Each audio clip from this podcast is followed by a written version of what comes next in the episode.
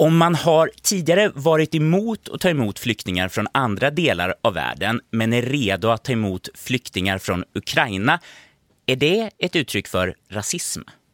Är det svenska flyktingmottagandet rasistiskt? Meningarna går isär beroende på om du frågar vänsterpolitiska journalister eller de som faktiskt hjälper de ukrainska flyktingarna.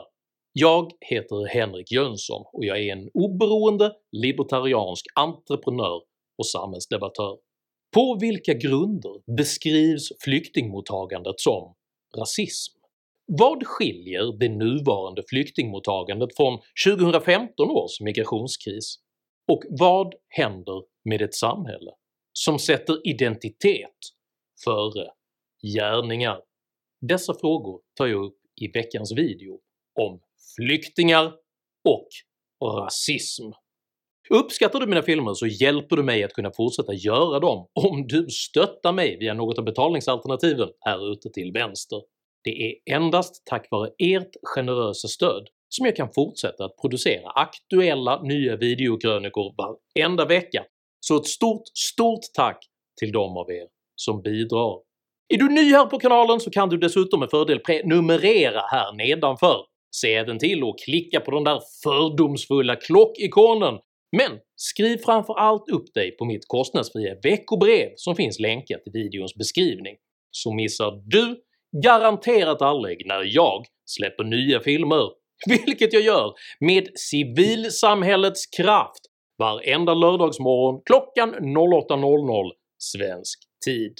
Idag pratar jag om opportunism, pragmatism och rasism.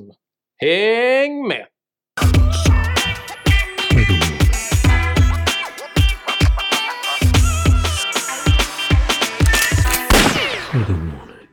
Vem talar? Vad representerar du? Så röt Lenins bolsjeviker i den kommunistiske journalisten John Reeds skildring av oktoberrevolutionen i boken “10 dagar som skakade världen” från 1975. Denna bolsjevikiska modell för maktutövande betraktade det viktigare att identifiera vem som sa eller gjorde något än vad som faktiskt sades eller gjordes genom att försöka stöta ut misshagliga individer istället för att inlåta sig i samtal med dem slipper man nämligen att snärjas av motargument.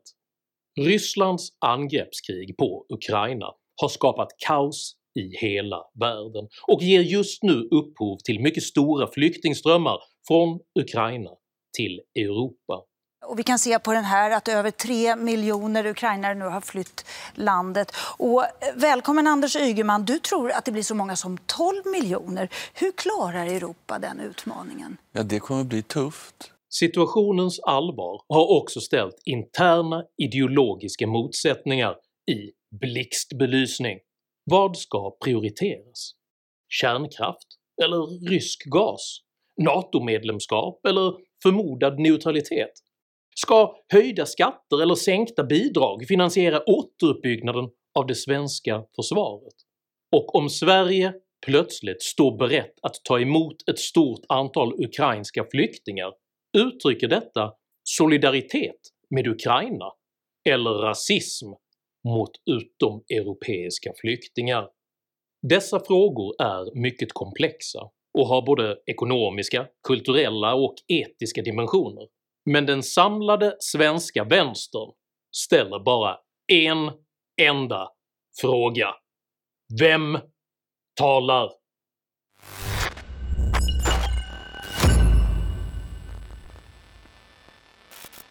När det framkom att den marknadsliberala tankesmedjan Timbro ämnade leverera förnödenheter till den ukrainska gränsen tillsammans med alternativmediaprofilen Jean Frick reagerade Dagens Nyheters ledarredaktion mycket, mycket starkt.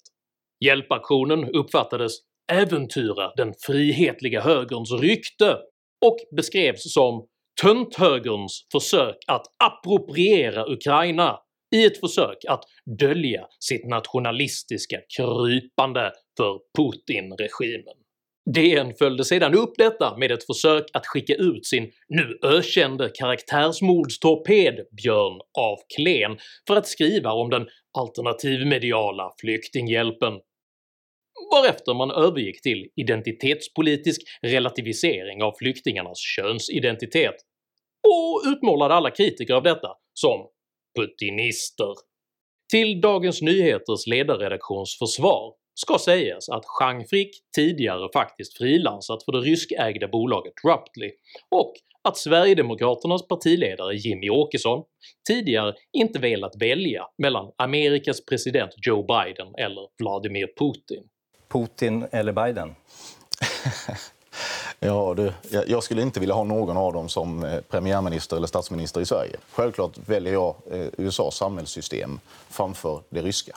Oaktat dessa omständigheter är ledarredaktionens halsstarriga reaktion talande. Vad som faktiskt sägs eller görs betraktas som irrelevant, medan vem som agerar är allt de behöver veta. För annars riskerar nämligen töntar att skada liberalismens goda rykte.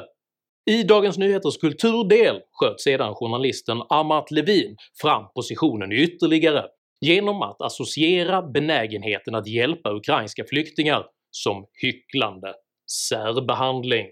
Det borde inte vara kontroversiellt att peka på hyckleriet när man jämför med hur vi behandlar flyktingar från utomeuropeiska länder. Dagens Nyheters passivt aggressiva högfärdshosta kompletterades sedan av Aftonbladet Kultur med ett mer rättframt slugger-angrepp. Viljan att hjälpa ukrainska flyktingar ansågs här bero på fysiska förutsättningar som hud och hårfärg. Men hur de ukrainska flyktingarna betraktas så länge de är vita, hyfsat ljushåriga och gärna ser lite allmänt medelklassiga ut är avslöjande. I vårt offentliga samtal idag får man inte kalla någonting för rasism, då anses man ha spårat ur. Men jag hittar inget bättre ord. På samma sätt anklagade sedan ordföranden för Ensamkommandes förbund i Stockholm Sveriges flyktingmottagande för att vara rasistiskt. Hyckleri att Sverige, som nyss var fullt, plötsligt har plats för ukrainska flyktingar. Jag betonar att det ska finnas plats i Sverige för flyktingar, men inte bara för blåögda, blonda och vita flyktingar, utan för alla flyktingar. Även aktivistnätverket “Nu är det nog” valde sedan att rasiststämpla det svenska flyktingmottagandet med orden “och nu intensifieras drevet” i syfte att försvara den svenska gästfriheten riktad uteslutande till vita europeer. De oönskade flyktingarna avhumaniseras genom klassiska förolämpningar. Nu vill vi att Sveriges regering och riksdag slutar underblåsa de rasistiska, nationalistiska och antidemokratiska krafter som gör skillnad på utsatta människor utifrån hudfärg, födelseland, kön och annat ovidkommande. Gemensamt för alla dessa debattinlägg är att det som faktiskt görs, alltså alla försök att på olika sätt hjälpa de ukrainska flyktingarna, underkänns med “whataboutism”-argument genom att tillskriva hjälparbetarna rasistiska bevekelsegrunder. Avslutningsvis i detta segment vill jag ställa två kulturpolitiska kommentarer på denna situation mot varandra. Kulturskribenten Somar Al-Naher skriver “Jag har inte sett någon seriös människa anklaga de som hjälper ukrainska flyktingar för att vara rasister man får av detta dra slutsatsen att Al-Naher antingen inte läser tidningar eller att hon med iskall klarsynthet avfärdar majoriteten av sina kollegor som oseriösa. Som kontrast låter den principfasta antirasisten Åsa Hidmark hälsa “Pappa, vad gjorde du under det ukrainska folkmordet?” kallade alla som ville hjälpa ukrainska flyktingar för rasister. Detta är skillnaden mellan gärning och identitet. Vem talar? Vad representerar du?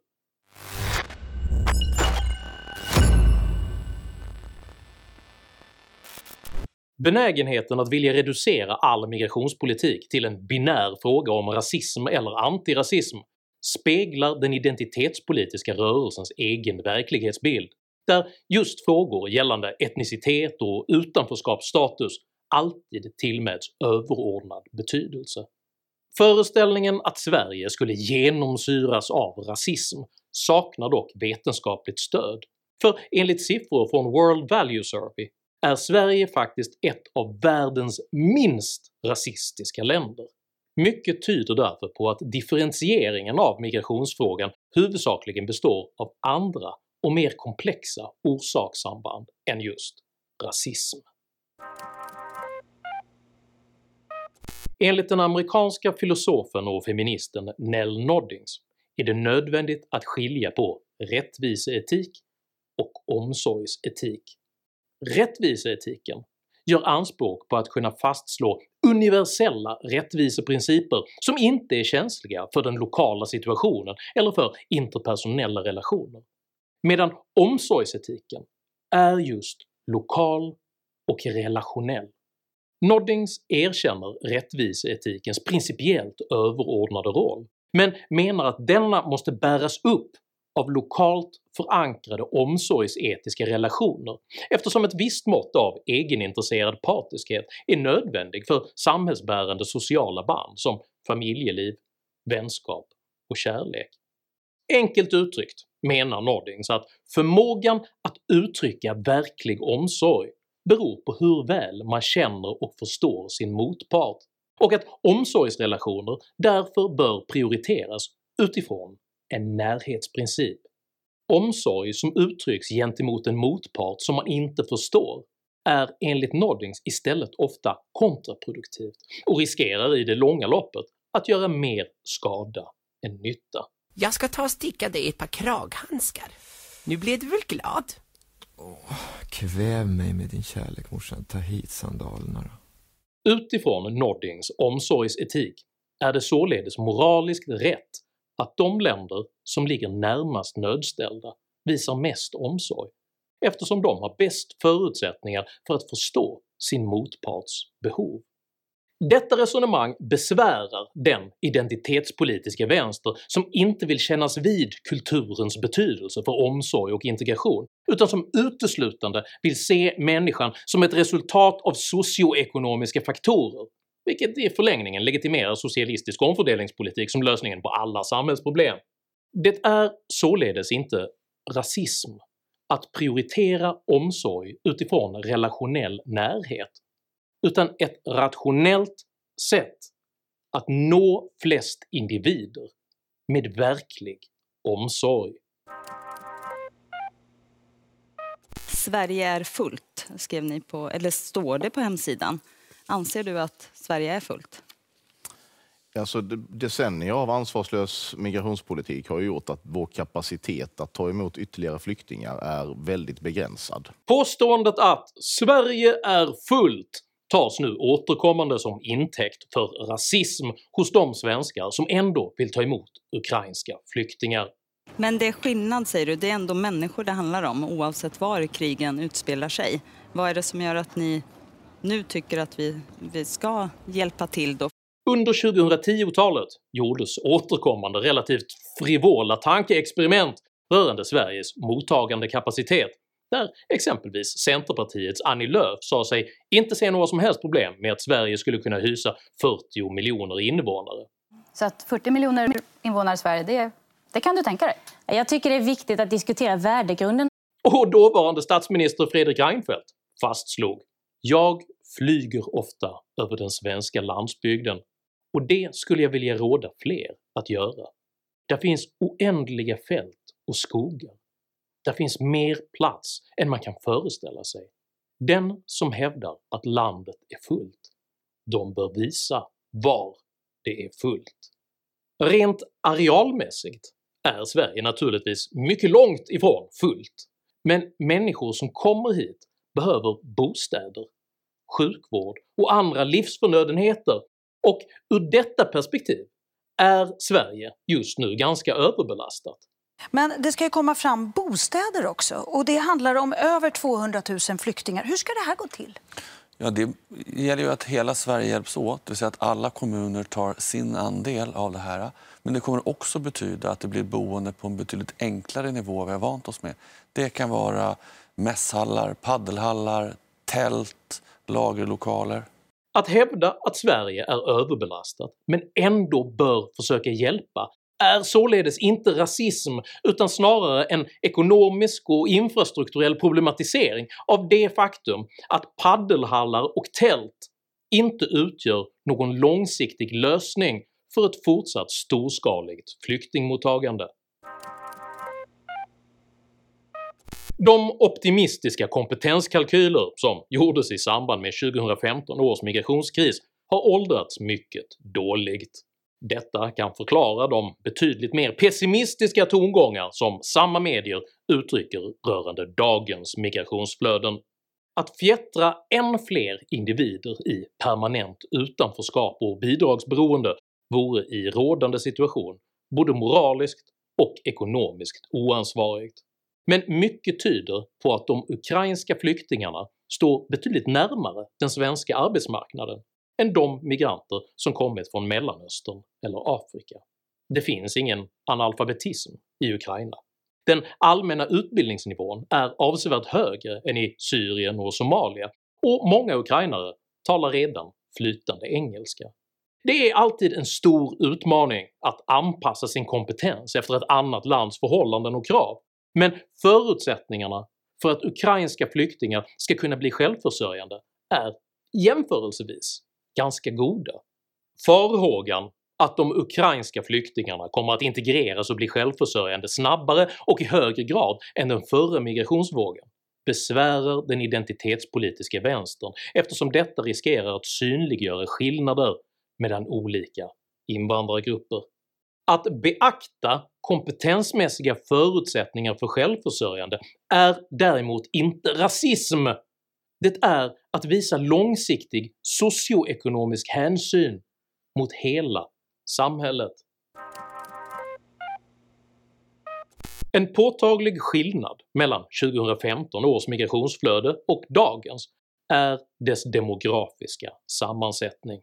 Under den extremt stora migrationen till Sverige runt 2015 var 71% män, medan flyktingströmmen från Ukraina domineras av kvinnor och barn. Argumentationen rörande den nuvarande flyktingvågens könsmässiga sammansättning provocerar dock den identitetspolitiska vänster som ännu arbetar mycket, mycket hårt för att utplåna könets betydelse. Oavsett vilka könsidentitära begrepp man anser vara önskvärda pulveriseras dock den identitetspolitiska positionen när den konfronteras med någonting så kompromisslöst verkligt som ett krig. Det känns onekligen lite fånigt att behöva ge en lektion om blommor och bin, men för att bemöta dagens woke debattklimat måste man uppenbarligen även slåss för det allra mest uppenbara. En man kan befrukta många kvinnor, men en kvinna kan i allmänhet endast föda ett barn per år. Att säkra barnafödandet är nödvändigt för att upprätthålla populationen under och efter en period av våldsam konflikt där människor dör. Kvinnor och barn är således en skyddsvärd och dyrbar samhällsresurs, och det är därför de populationsmässigt mer lättersättliga männens uppgift att försvara dem. Detta är ren darwinistisk populationsekonomi och ett samhälle som upphör att förstå detta grundläggande sakförhållande kommer att gå under. Det är således inte rasism att vara mer benägen att vilja skydda kvinnor och barn, det är en naturlig överlevnadsinstinkt oavsett vad man tycker om begreppet kvinnor och barn. Under den förra migrationskrisen förnekades återkommande förekomsten av en svensk kultur i vad som ytterst visade sig vara en ganska osmickrande blandning av dålig självkännedom och fåfänga maskerad som tolerant öppenhet. Föreställningen om att det skulle finnas en enhetlig inhemsk kultur som går tillbaka till urminnes tider, den bygger inte på fakta. Vi har alltid stått under influenser utifrån. Denna hållning resulterade i en ännu pågående kulturkrock eftersom många svenskar saknade beredskap på att somliga kulturer helt skulle misstro det svenska rättssamhället och där integrationstörstande nyanlända inte heller instruerades i hur den svenska samhällsgemenskapen fungerar. De ukrainska flyktingar som nu kommer till Sverige delar redan många kulturella referensramar med svenskar i form av kristendom, klassisk europeisk kultur och den politiska upplevelsen av både järnridå och Sovjetunionens fall. Även om kulturkrocken mellan öst och väst ofta är mycket, mycket stor, så är den ändå betydligt mindre än krocken mellan en somalisk klanmedlem och en svensk socialarbetare. En kulturfaktor som det sällan talas om i Sverige är att en majoritet av de flyktingar som nu kommer från Ukraina dessutom är relativt konservativa jämfört med svenskar. Även om Ukraina, till skillnad från Ryssland, har prideparader och liknande så präglas samhället också i stort av ganska traditionella könsroller, ortodox kristendom och patriotism. Denna konservatism, parat med en stark benägenhet att eftersträva självförsörjning, placerar den ukrainska invandrargruppen delvis utanför den svenska identitetsrörelsens offerskapsnarrativ.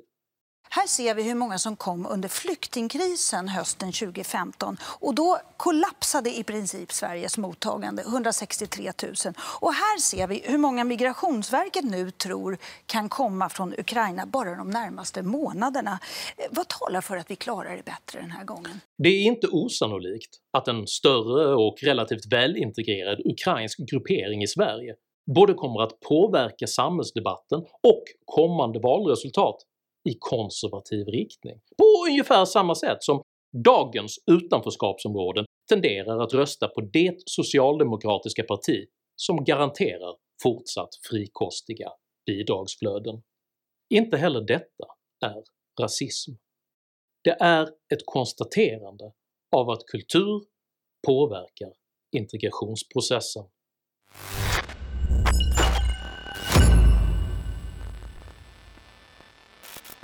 Genom sig själv känner man andra. Rasism är i stor utsträckning en projektion av negativa kvaliteter på människor man inte uppskattar, och den som ser rasism överallt bär därför sannolikt mycket rasistiskt tankegods inom sig själv. Hela golvet heilade, men andelen nazister var typ noll. Den identitetspolitiska vänsterns maktanalys vilar på rätten att kunna dela upp människor i olika grupper. Föreställningar om kön, etnicitet, sexualitet och olika typer av funktionsvariationer tas som intäkt för upprättandet av olika små kollektiv vilka sedan ställs mot varandra. Denna människosyn är reduktionistisk, generaliserande och oförmögen att ta hänsyn till individuella avvikelser från kollektivets förmodade intressen. Det är denna människosyn som fick president Joe Biden att påstå att den som röstar på republikanerna inte kan vara svart. If you have a problem figuring out whether you're for me or Trump, then you ain't black. Det är denna människosyn som fått public service-journalister att kräva en finmaskig rasbiologisk inventering av de anställda. Vi efterfrågar också 15 procent som har utomeuropeisk bakgrund. Alltså vi vill ha en mer finmaskig inventering av vilka de här 26 procenten i sådana fall är. Och det är denna människosyn som fått vänsterpolitiker och medier att kalla Hanif Bali, Nyamko Sabuni och Alice Teodorescu för rasförrädare. För en individualistisk, sammansatt och komplex verklighet är oförenlig med identitetspolitikens kollektivistiska verklighetsbild, och detta är den verkliga roten till vänsterns obekväma relation till det ukrainska flyktingmottagandet. Men om inte då eh, ukrainare står upp mot Ryssland, vem ska då göra det? Ну да, я понимаю. Но... Я даже не знаю. Vänstern uppfattar sig nämligen alltid stå på de utsattas sida. Men eftersom de flyktingar som nu kommer både är kritiska till den woke-ideologi man själv företräder och dessutom får hjälp av vänsterns meningsmotståndare, då måste själva hjälparbetet attackeras som rasism för att försvara den egna rörelsens problemformuleringsprivilegium. Vem talar? Vad representerar du? Det är allt vi behöver veta. Tycker du att vad som faktiskt görs är viktigare än vem som gör det? I så fall tycker jag att du ska dela den här videon med dina vänner, och varför inte prenumerera på min YouTube-kanal när du ändå är i farten? Har du egna erfarenheter av identitetspolitik och rasism? Dela i så fall gärna med dig av dina upplevelser i kommentarsfältet här nedanför. Jag uppskattar all respektfull kommunikation. Men kom ihåg, var alltid artig, även och kanske i synnerhet mot dina meningsmotståndare. Jag accepterar inte personangrepp, aggression eller verklig rasism i mina idédrivna kommentarsfält. Tack för att du som kommenterar respekterar detta. Jag heter Henrik Jönsson, och jag anser att handling är viktigare än identitet. Tack för mig, och tack för att ni har lyssnat.